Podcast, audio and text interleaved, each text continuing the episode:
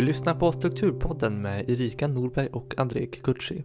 Erika, hon jobbar som lärare och driver bloggen vstruktur.se och André, han jobbar som pastor och pusslar ihop livet som familjefar. Jag som talar heter Simon Lundberg och är den som redigerar denna podd. Så luta er tillbaka och följ med i våra tankegångar som kretsar kring livet och struktur. I dagens avsnitt... Nej, det var lite peppigt. Jag är inte trött. Jag är inte trött. I dagens avsnitt tänkte vi prata om närvaro.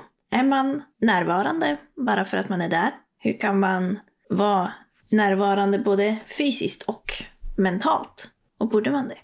Och hemma hos oss så får jag ibland eh, fråga min fru, är du här? Och hon är ju där, jag kan ju se henne. Eh, jag, jag har ju sagt hej till henne när hon kom hem. Men ibland så eh, märker jag, eh, som känner henne bra, att men hon är ju inte helt närvarande i just där vi är i. Och ibland får hon ställa samma fråga till mig, givetvis. Och att ha tankarna kvar någon annanstans, det kan ju bli väldigt splittrande och går ofta ut över något annat sammanhang. Och eh, det tänkte vi fundera lite mer på i det här avsnittet. Vi har väl belyst det egentligen i alla avsnitt av och till, men detta blir ett litet fördjupande av närvaro. Och kanske ett litet inneord idag. Om man söker runt på nätet så är det mycket att kunna bli närvarande och fånga nuet. Det kanske säger någonting om den tid vi lever i. Ja, jag har ett exempel på det precis nu. Att jag, jag fick sms här från min chef, även om jag är föräldraledig. Och hon frågar, kan du, kan du lägga till de här som administratörer här i det här programmet, där du är administratör? Och då är mitt huvud lite där. Så nu ska jag göra ett råd som man kan göra, att skriva ner det så att jag kan släppa det till sen. Och eh, försöka vara närvarande och spela in den här podden. Och i mitt fall så hör jag en bit ifrån mig mina barn eh, stå och skrika på varandra eller brottas eller vad de nu gör. Och kunna släppa det och veta att eh, det är någon annan som har hand om dem just nu och det är inte mitt ansvar. Utan var här och nu när vi pratar om närvaro. Mm. Ja, nej men det kan ju vara utmanande. Och jag har ju hört många som tycker att det är ganska smidigt att ha pendlingstid efter jobbet. Att man får bearbeta det som hände där och så kan man komma hem och vara, vara närvarande i, i en annan verklighet där. Men ibland är det ju svårt att släppa.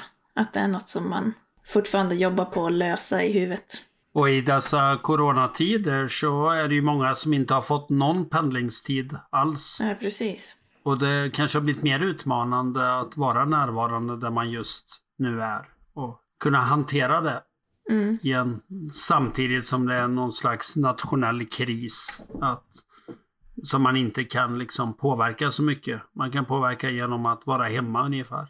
Mm. Ja, men det påverkar ju jättemycket. Det kan ju påverka hela dagen att man är hemma och att det är andra personer eh, som går omkring och stör. Man har kanske inte samma, samma störande faktorer som man kan ha på jobbet, att det är kollegor som avbryts. Och, men, eh, men man kan ha små barn som avbryter eller frun som avbryter eller att det kommer en leverans hem till huset. Sådana här saker som inte alls hör till jobbet som plötsligt konkurrerar med jobbuppmärksamheten. Och, eh, frågan är om man kan lära sig lite hantera sig själv eller lära känna sig själv. Att, ja, men nu, som i, i mitt fall tycker jag jag ofta har ett av och ett på och andra personer har inte det lika tydligt utan där flyter allting omkring och trivs med det. Men för mig så tycker jag att om man ska, ska jag fungera så måste jag gå in ganska tydligt med att ja, men nu fokuserar jag på mina barn till exempel. Mm. Eller nu fokuserar jag på att spela in en podd eller nu jag, ja, om jag är ute och springer så har jag inte telefonen med mig. Till exempel. Mm. Jag lyssnar inte på något utan då tar jag in naturen eller Ja, jag springer ofta där det är väldigt lite trafik. Jag väljer eh, de löparturer eller de vägar som har lite trafik. För att annars kan jag inte riktigt koncentrera mig på det jag gör. Eller slappna av på det sättet. Ja, jag fungerar nog också ganska mycket så.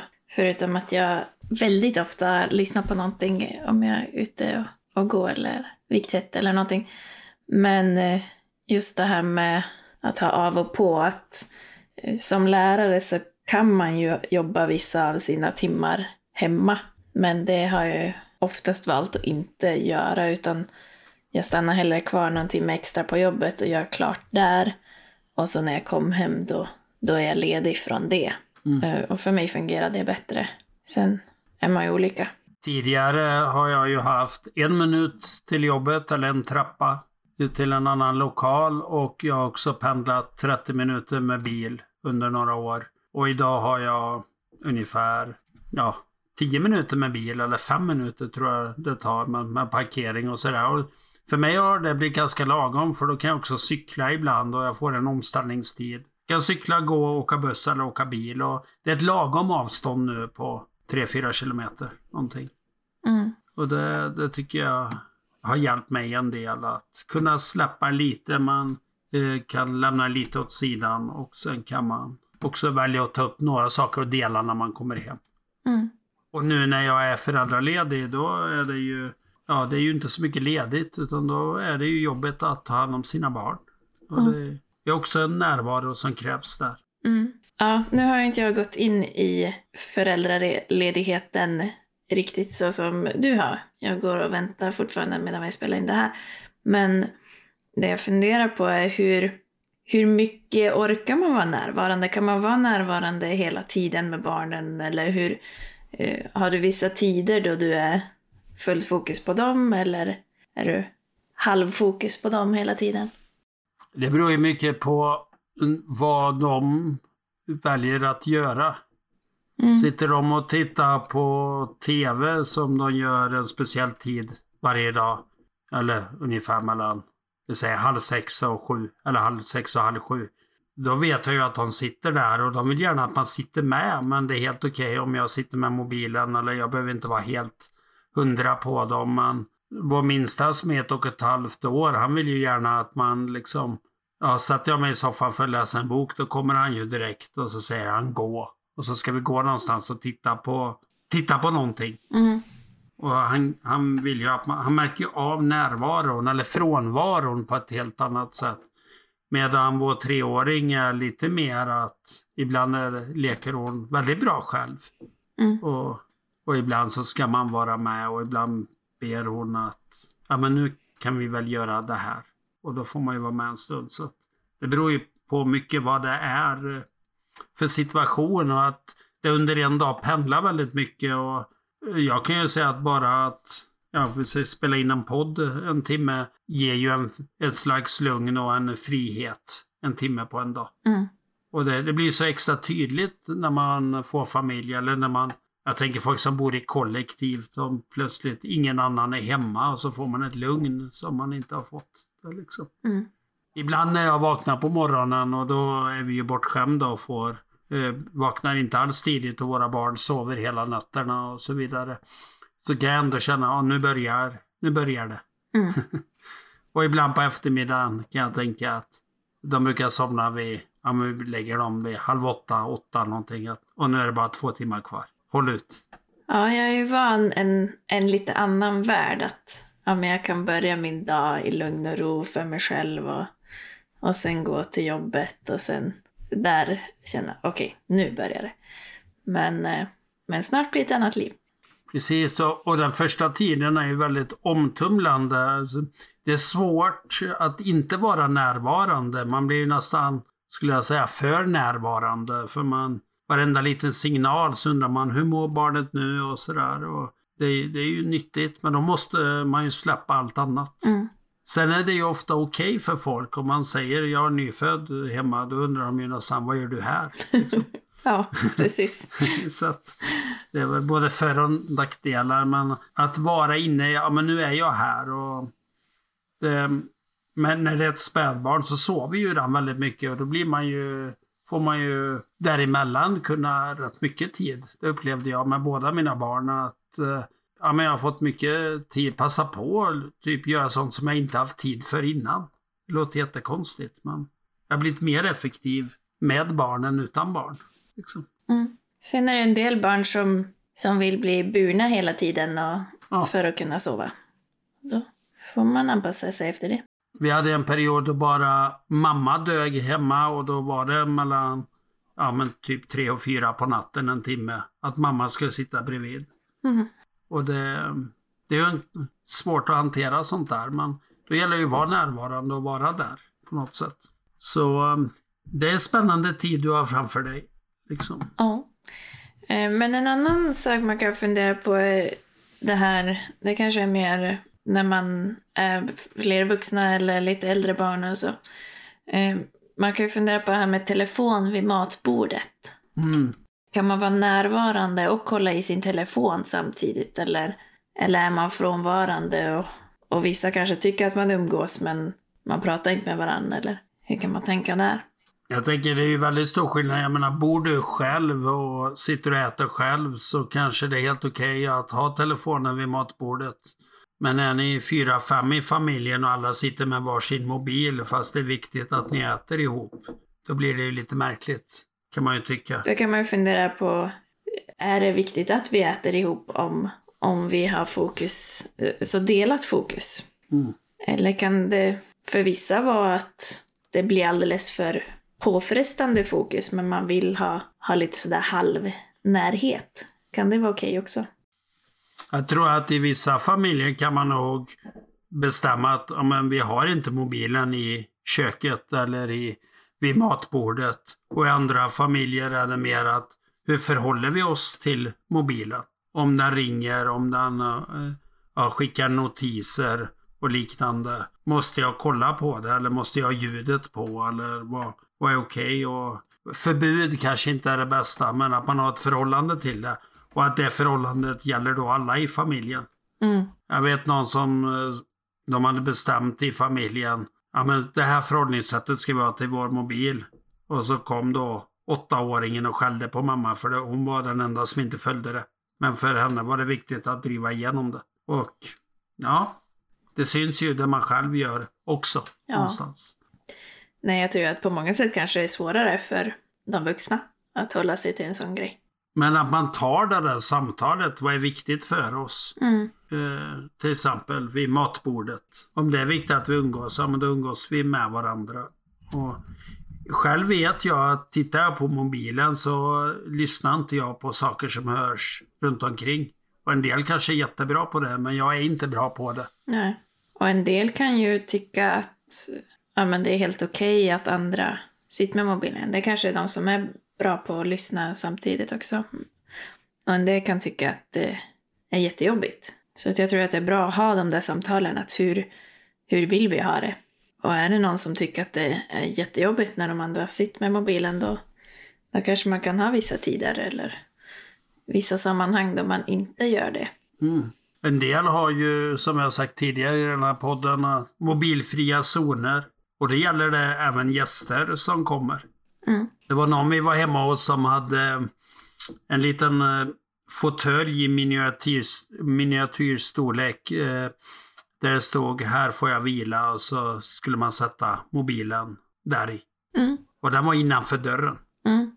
Och då visar man ju på det att eh, här ska den vara och inte längre. Liksom. Ja, min svåger sa det när han skaffade eh, sin senaste lägenhet att jag ska ha en sån här eh, mobillåda vid dörren där man kan Mm. lämna mobiler för att jag vill att när de kom hit för att umgås, då, då ska vi umgås. Sen vet jag inte hur det har blivit för honom, men Hur är det i skolan eh, där du är? Vad har ni för förhållande till mobiler i klassrummet? Ja, under åren jag har jobbat där så har det varit lite olika rutiner. Men eh, som jag har kört nu senast har varit att antingen så lämnar man sin mobil i skåpet eller så lämnar man den i en mobillåda som vi har när lektionen börjar och så får man ta den när man går. Eh, en del har ju mobilförbud hela dagen, att de samlar in mobilerna på morgonen och så får de tillbaka dem när de går hem. Men vi har ändå valt än så länge att de får ha dem på rasterna. Och det, det tycker jag kan vara en schysst kompromiss. Mm. Ehm, men eh, det gällde ju att det funkar också. Men att ha mobilerna i fickan eller på bänken under lektionstid, det har inte funkat bra i alla fall.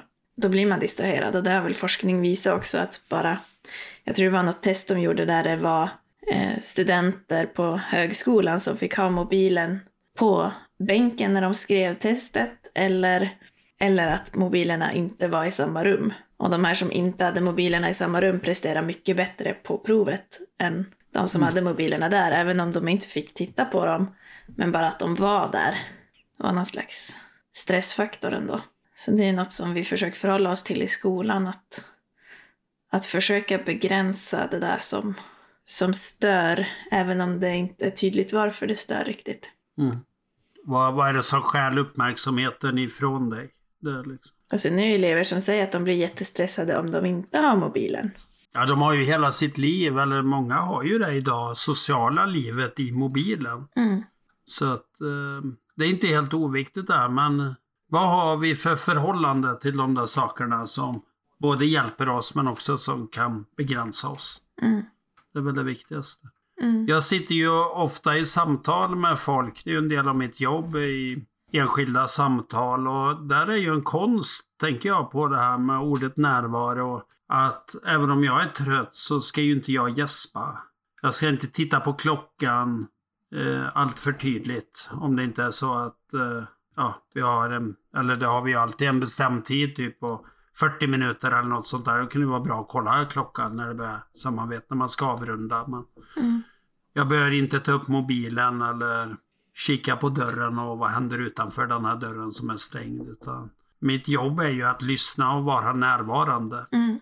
Eller signalera det. Även om man ibland är trött. Och, och skulle jag gäspa så kan får jag ju uttrycka det och säga att ja, men gäspar för jag, jag är väldigt trött så här på eftermiddagen och att det inte handlar om vad personen säger. Det kan man ju vara ärlig med och kanske skratta åt det tillsammans då. Men, Ja. men just att man visar att man är närvarande och det är ju också hur, hur jag sitter. Om jag sitter med armarna i kors, lutar mig bakåt och halvsover eller om jag åt andra hållet lutar mig framåt och tittar väldigt intensivt på personen så kan det ju nästan vara jobbigt också att det blir för, för stark närvaro någonstans. som Liksom. Ja, det hade jag en, en lärarvän som sa att hennes elever hade sagt att du tittar så intensivt på oss när vi redovisar. Så att hon, hon hade lärt sig det att inte, inte visa så tydligt hur, hur mycket uppmärksamhet hon gav till dem. Utan hon hade Ja. väl tänkt att, att det var det, det schyssta att göra. Att hon, hon ska ju vara fokuserad när de redovisar. Men att, att det kan ju bli obekvämt mycket också. Men jag håller med dig om att inte, eller om man kan, inte gäspa och titta på klockan eller visa med, med kroppen att man är halvt på väg någon annanstans om man är i ett samtal med någon. Och den här omställningstiden före och efter man går in i någonting tror jag är väldigt viktig. Det behöver inte vara många minuter men att man tänk, tänker till lite innan man går in i någonting. Mm. Det tror jag kan hjälpa väldigt mycket. Och det är ju flera som återkommer till det i många olika sammanhang. Mm. Ja, det brukar jag tänka innan jag går in i klassrummet att okej, nu ska vi rensa bort det som har varit om jag är sur på klassen jag hade innan eller vad det nu är. Men nu, nu är det en ny klass, ny lektion. Nu ska jag ge en ny chans här att, att visa eh, deras bästa sida. Då ska jag ge mitt bästa. Ja, det är ju synd om dina arv från förra klassen går ut över de barn du möter nu, eller de elever du möter. Mm, precis. Det är inte riktigt rättvist kanske och det är väl där vi är mycket och jag tycker ofta man träffar folk som kan säga att jag, är, åh, jag är så trött idag och så liksom uttrycker hur jobbigt hela livet är och så det blir liksom någonstans första mötet och ibland orkar man ju kanske inte lyssna på det riktigt. Nej. Man, det var inte därför vi skulle mötas eh, riktigt. Mm. Och som jag har börjat tänka på nu, jag har en så smart klocka som kan skicka notiser från mobilen. Eh, och det, det är ju både och, verkligen. Att jag tycker att eh, ibland är det väldigt bra.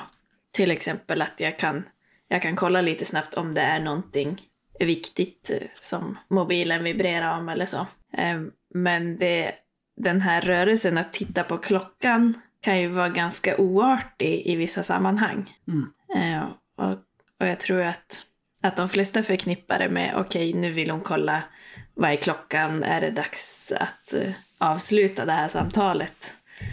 Eh, istället för att, aha, hon, det plingar till i hennes mobil. Mm. Och det kanske är oartigt att titta även om det är det senare, men, men ännu mer om, om det att ja, hon vill bara fly från den här situationen. Ibland när jag sitter i samtal då arrangerar jag rummet så att jag kan kika på en klocka. Det kan vara ett armbandsur jag har lagt ifrån mig på ett bord eller att jag sitter och har en väggklocka i närheten så att jag kan följa men att det inte blir så tydligt. Mm. Det, det är smart tror jag. Hitta någonting som fungerar. Något som jag har funderat på ett tag är att det är ganska många som, när man är, särskilt om man är flera personer i ett samtal, det är ganska vanligt att särskilt om man är flera... jag kan... Nej, det är... Vänta, vänta. Ja. Ja, ja. Det, det, här måste vi ju ta med. Eh, då ska jag bara skicka ett meddelande här eh, till er. För att jag hade ju min mobiltelefon på bredvid här och helt plötsligt ringde det. Och så tänkte jag att ja, men jag trycker bara bort det. Men direkt var jag inte närvarande i vad Erika sa här. Så att, och, och hon märkte det väldigt tydligt här. Eh, om inte annat hörde hon signalen. Så att, Ja. ja. Ja, eh, men en sak som jag har tänkt på är att det händer ganska ofta, speciellt om man är många som pratar med varandra samtidigt, att så fort det blir, en blir tyst så hoppar nästa person vid utan att det är någon paus alls mellan. Eh, och det tänker jag på ett sätt kan visa att man inte riktigt har lyssnat. Att man kanske har suttit och tänkt på vad man ska svara istället för att lyssna klart på personen. Så att det kanske skulle vara schysst att ha en liten paus innan man svarar. Sen är det olika om hur bekväm man är med de där pauserna emellan och vad som, vad som känns som en lagom paus. Eh, jag var på någon föreläsning någon gång där man pratade om att man har olika paustolerans, att man har olika känsla för vad som är en lagom paus. Och då kan det bli att, att vissa personer hoppar in snabbare för att de tycker att pauserna ska vara kortare och vissa, vissa får aldrig komma in i samtalet för att de vill att pauserna ska vara längre. Så där får man tänka in lite att, att de här som kanske ofta är tysta, att försöka vänta en liten stund till så att de får chans att hoppa in också. Och det är ju väldigt viktigt om man står i samtal inför beslut, det kan vara styrelse och liknande, att man då hittar former där alla kommer till tals oavsett om du är en som pratar hela tiden eller om du är en som pratar väldigt lite men när du väl säger något så är det väldigt klokt. Att kanske kunna gå rundor där bara en i taget får prata och alla blir lika viktiga. Mm. Och likadant är att om man går under att man ger alla samma tid att uttrycka sig. Man kanske säger att nu får alla två minuter var. Eller en minut eller tio minuter eller vad som krävs för det. Så att man ger alla samma förutsättningar. Mm. Och jag tänker det här med tystnad. Det, vi är ju inte vana vid det idag. Nej. Om man tar det här att man alltid har musik i öronen eller en podcast när man ska gå någonstans. Det kan ju vara våra podcast man lyssnar på och det, det är ju bra då. Men det kanske är bra med tystnad och att lära sig hantera den. Mm. Och att vi kanske också behöver tystnaden. Den korta i ett samtal eller den här långa när man eh, bara vill vara för sig själv en, en dag. Ja. Eller, eller ett par dagar. Det finns ju till och med tysta retriter man kan åka på där man lever ihop med andra i tystnad. Mm. Och det, de flesta uttrycker är ju att man, man behöver inte berätta allt. Man behöver inte berätta att nu skiner solen. Alla ser ju det väldigt tydligt. Mm. Och att man hittar ja, andra sidor både hos sig själv hos, och hos andra. Tack vare att man tog bort alla, allt detta pratet. Mm. Ja, jag tror att det är väldigt nyttigt. Och förr när jag, då kunde jag åka buss ja, men tre och en halv timme eh, i sträck varannan helg åkte jag ofta. Och i början av den tiden då, då satt jag bara tyst, tittade ut genom fönstret, tänkte på saker. Och, och sen blev det mer och mer att alltid ha podcast eller musik eller ljudbok eller något. Men eh, ibland när jag, när jag testar den här tystnaden så, så känner jag att det ger ju ganska mycket också. Att eh, det händer mycket i huvudet som jag kanske missar andra gånger. Ja, man kanske, man kanske tycker att man är så effektiv när man, ja, man lyssnar på radio och podcast och lär sig massa saker på den där pendlingstiden. Men det kanske är lika effektivt att eh, bara stänga av allt. Mm. Och lyssna på sig själv eller sina inre tankar.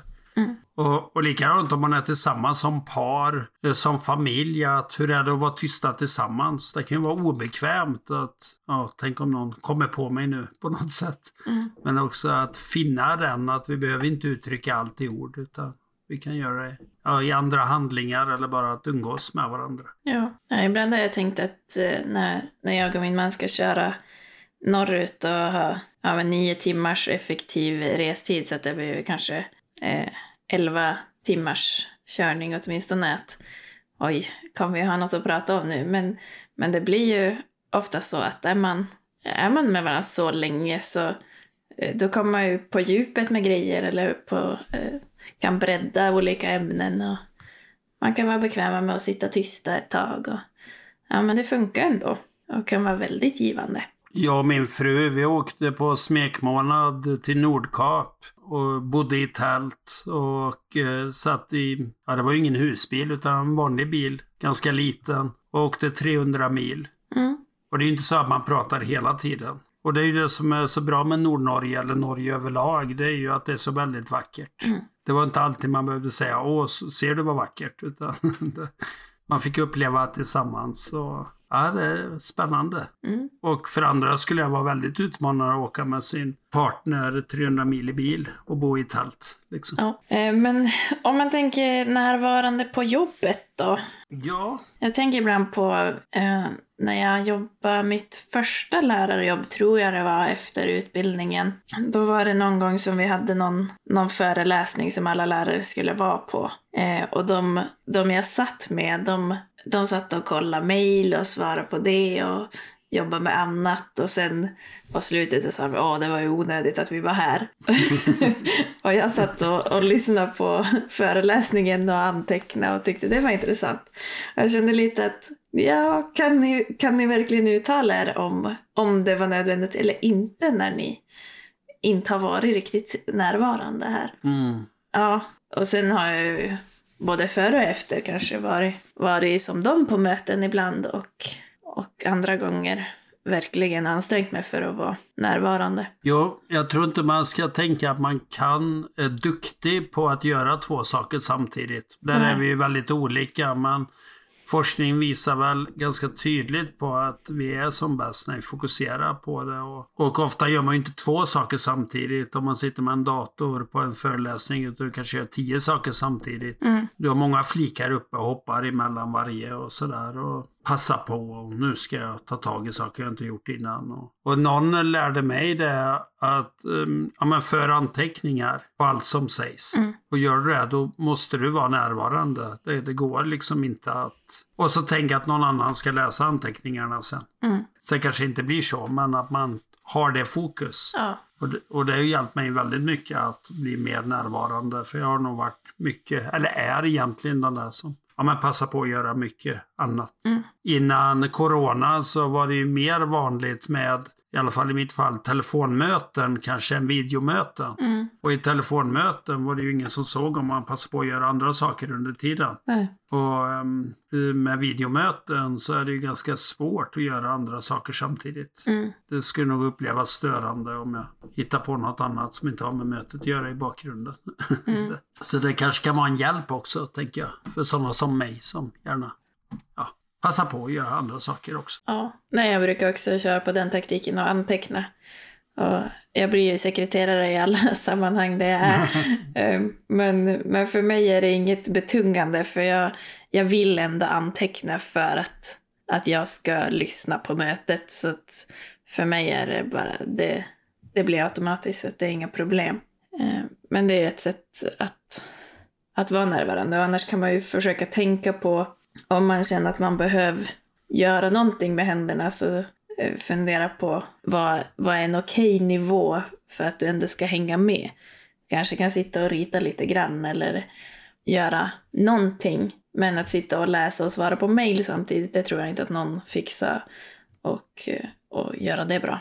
Och jag, jag märker det här på ungdomar när jag har olika grupper, konfirmander och sådär, att på eh, 20 ungdomar så är ju behoven väldigt olika på att hur man hanterar det där att inte göra någonting eller att bara lyssna. Mm. Och en del sitter ju och stickar, andra har stressbollar, en del sitter och lyssnar väldigt intensivt. Men man märker ganska tydlig skillnad på de som lyssnar och gör något annat samtidigt och de som bara gör något annat samtidigt. Mm. Det, man ser det som föreläsare ganska tydligt. Ja. Och du som lärare ser väl det också. Och, och sen blir man ju förvånad ibland när man säger Frågar kan du återupprepa vad jag sa och så gör de det exakt och så har man missbedömt situationen totalt. Mm. Jo, Men det händer ju också. det händer inte så ofta ändå. Tycker jag inte. Det. Nej. Men att vi alla är olika där och en av nycklarna till ehm, det var svenska landslaget i fotboll, damlandslaget. När de fick eh, hon Pia Sundhage som tränare. Eh, och hon har ju varit på många, även am- amerikanska landslaget i fotboll. Och eh, hon, hon tryckte mycket på det här att vi behöver inte göra samma sak inför matchstart. En del behöver lyssna på en podd på, på vägen i bussen. Andra behöver prata med varandra. Någon tredje vill spela pajas. Och, och det är ett uttryck för uppladdning och kanske nervositet eller vad det är. Men när hon försökte göra att alla skulle göra samma sak. Hon hade det som idé liksom. Eller nu, nu ska vi fokusera på matchen. Då fokuserar de, eller då blev matchen sämre. Men när hon lät dem ja, vara olika inför matchen så blev prestationen bättre.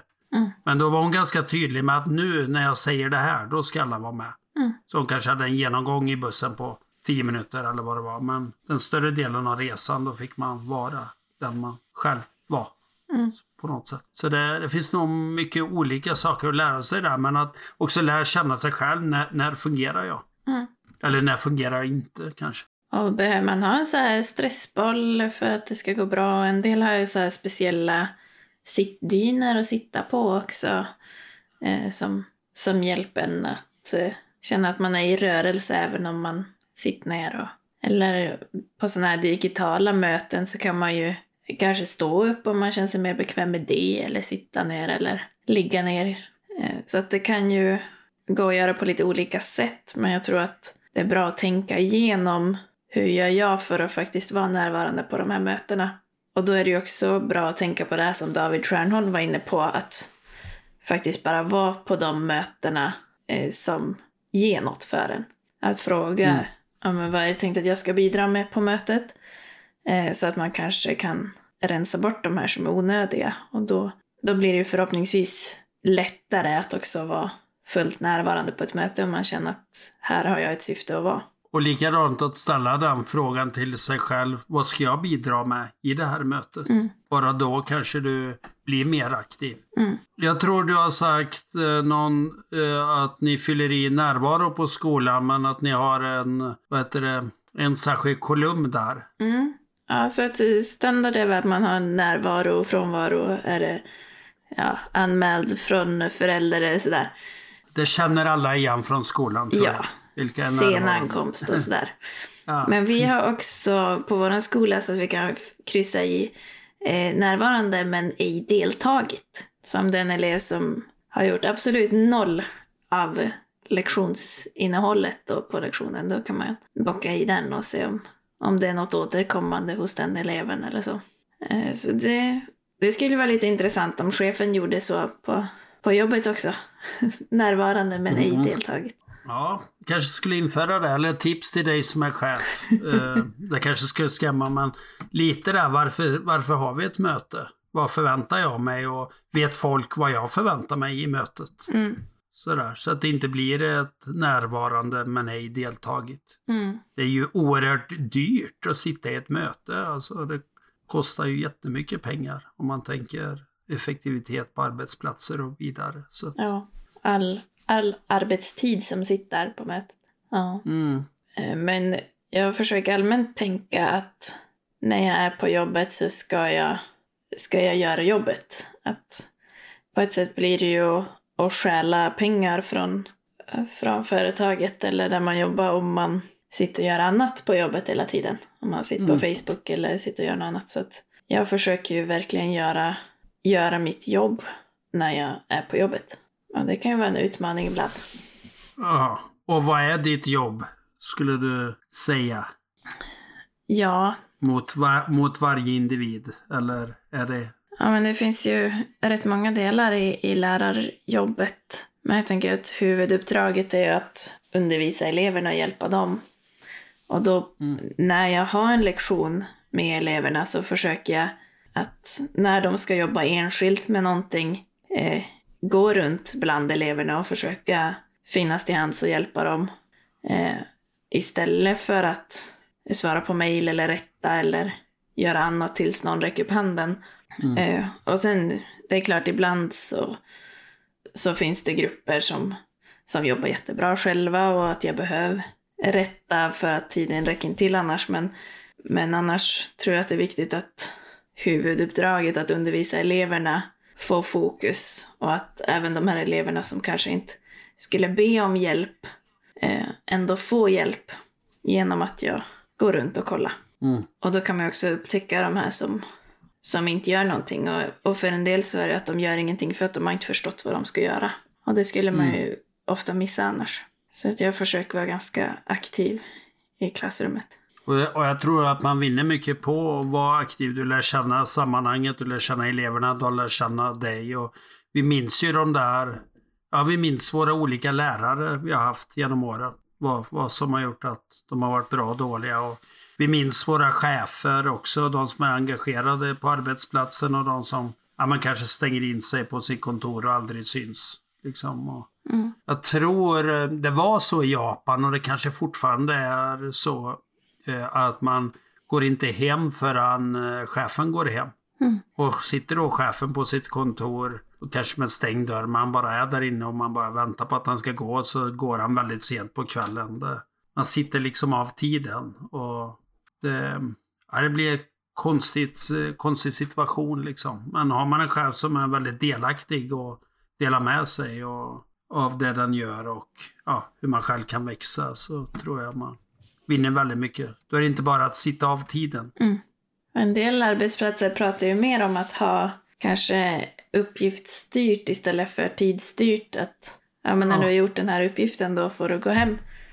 Det är ju ett intressant sätt att tänka. Jo, jag tror många arbetsplatser går åt det hållet idag. Särskilt nu i coronatider där man kanske inte har arbetsplatsen, själva platsen lika självklar som tidigare. Då blir ju uppgiften kanske viktigare än timmarna. Mm. Och någonting som jag tänker vi behöver fundera på i dagens samhälle, det är ju det här, hur blir jag närvarande där jag är?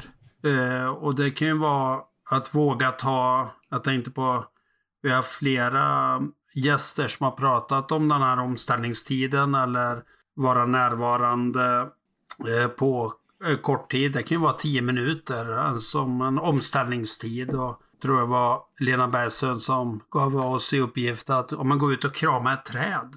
Mm. Liksom, hur är man närvarande? Det behöver ju inte ta många minuter. Det kan ta jättemånga minuter också.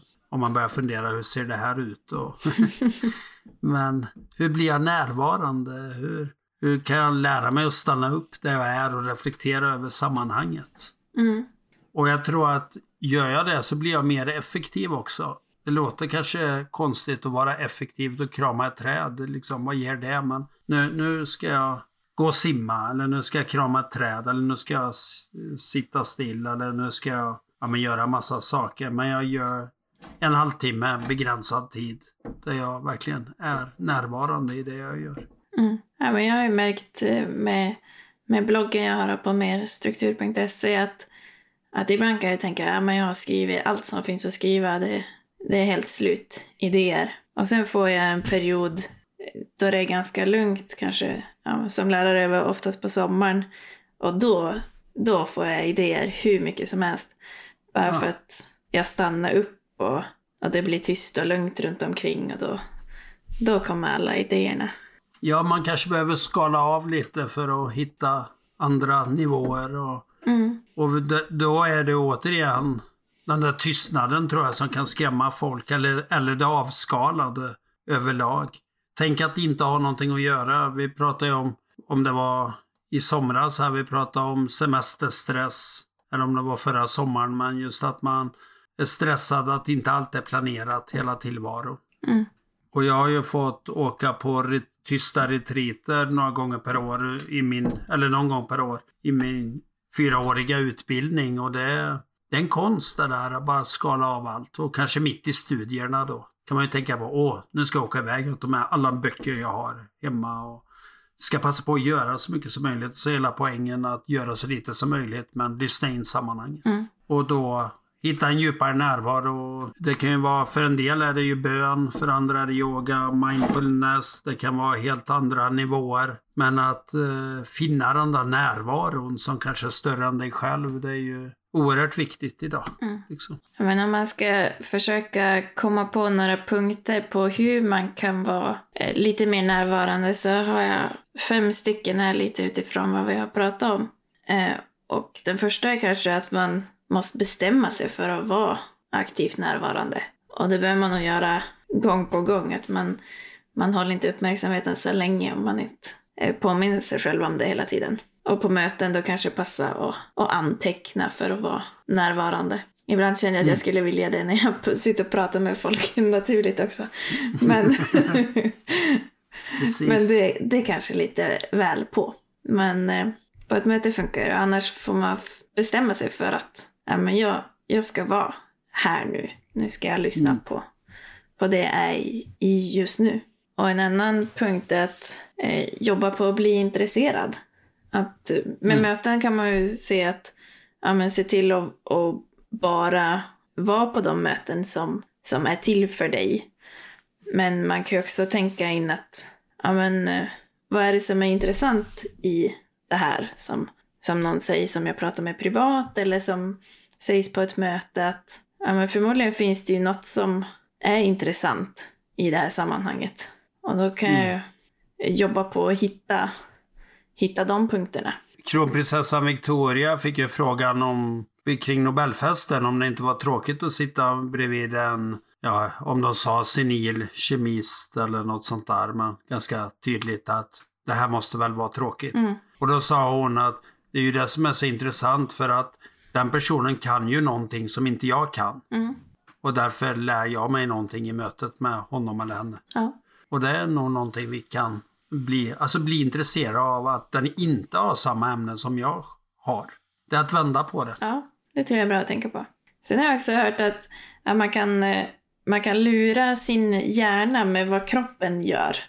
Att om, eh, ja, men på samma sätt som att om man känner sig nervös så då kan man andas lugnt för att kroppen ska slappna av. Så kan man, när man vill bli mer intresserad, ja men hur ser man ut när man är intresserad? Ja, man kanske lutar sig framåt, man kanske nickar när man lyssnar och så här. Kanske lite Mm, jaha, vad intressant.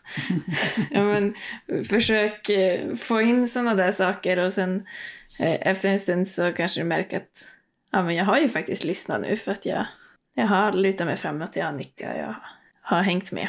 Så det tror jag man kan använda. Och det var, jag hade, eller har en vän som ofta säger jaha, mm, ja. Och då, det får mig, eh, och jag tror det är lite mer ett tics. Jag tror inte personen är helt medveten om det.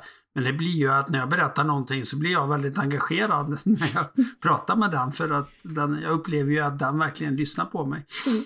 Och det, ja, det är spännande. Mm. Eh, sen kan man ju också träna på, eller välja att ja, man kan man ha en kväll utan sociala medier. Eller utan skärmar överhuvudtaget. Eller vissa tider som man är utan det. Och lär sig att vara mer, mer närvarande, mer, eh, ha mer koll på vem är jag utan alla de här distraktionerna. Och, och vilka är de här personerna runt mig. Mm. Att man kanske har någon tid då man inte svarar i telefon. Mm. Man kanske inte behöver stänga av telefonen men det är helt okej att då svarar jag inte. Och som jag ringde till någon som hade i telefonsvararen väldigt tydligt med att då svarar jag i telefon. Mm. Och då visste jag ju det nästa gång jag ringde. Då kunde jag ringa den tiden istället. Och det var två timmar på en dag som den svarade i telefon. Ja, det är bra. Det gäller att det inte är upptaget de två timmarna men jag tror att han ofta gjorde så att han bokade in, alltså de två timmarna bokade han in längre samtal andra tider. Mm. Men eh, också mot din familj att säga, ja men nu tar vi en skärmfri kväll. Mm. Vad händer då om vi spelar spel istället eller bara umgås med varandra? Liksom. Ja. Vi går ut och åker skidor i det här vintersverige eller någonting. Mm. Det Ja. kan ju faktiskt visa sig vara jättetrevligt. Ja. Och sen punkt fem är väl ganska uppenbar, men något som jag tror att jag och fler kan behöva påminna sig om att inte läsa mejl eller göra något annat medan man är på ett möte. Mm. Utan håll dig till mötet och skippa de där andra distraktionerna. Var här och nu. Mm. Vill du läsa den här dikten? Ja, alltså vi... Jag hittade en liten dikt som eh, eh, kanske inte riktigt... Eh, ja, jag kan inte riktigt sammanhanget och bakgrunden och det är väl alltid lite farligt att bara ta någonting rakt av. Men vi fastnade, eller jag fastnade för framförallt inledningen där, att någon har fångat det så bra. Mm. Den heter Närvaro. Ja, och den är skriven av en som heter Raja Kempainen och eh, lyder så här. Jag älskar dig för att din blick inte fladdrar iväg. För att inte du byter ställning i stolen eller stampar knappt hörbart med foten. Eller sneglar mot armbandsuret eller mobilen eller utgången. Trots att jag varken har kommit till punkt eller poäng med min berättelse utan fortsätter att förklara vad jag tänkte och vad jag kände innan det hände, innan det vände. Jag älskar dig för att det inte bildas något spindelnät i dina ögon trots att det dröjer så länge innan du får höra vad som sedan hände. Mm. Ja, men det, det är fint att det beskriver ju vad, vad man uppskattar. Att hur, hur är någon som lyssnat? De kanske inte tittar på klockan eller mobilen eller dörren eller utan fortsätter att lyssna och vill, vill höra poängen även om det tar tid att komma dit. Mm. Ta med den dikten, eller i ert sammanhang. Mm. Det var eh, några tankar om närvaro. Du får gärna dela med dig om hur närvaro fungerar för dig. Eller vad är det som fungerar för dig och vad är det som inte fungerar. Och skriv till oss på hej strukturpodden.se eller i våra sociala medier på Facebook. Där, eh, ja, men dela de här tankarna. Vi är jättenyfikna på vad ni har för tankar där ute.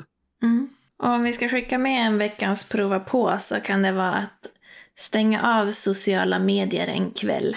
Eller alla Mm. skärmar överhuvudtaget om ni vill ta det till en högre nivå.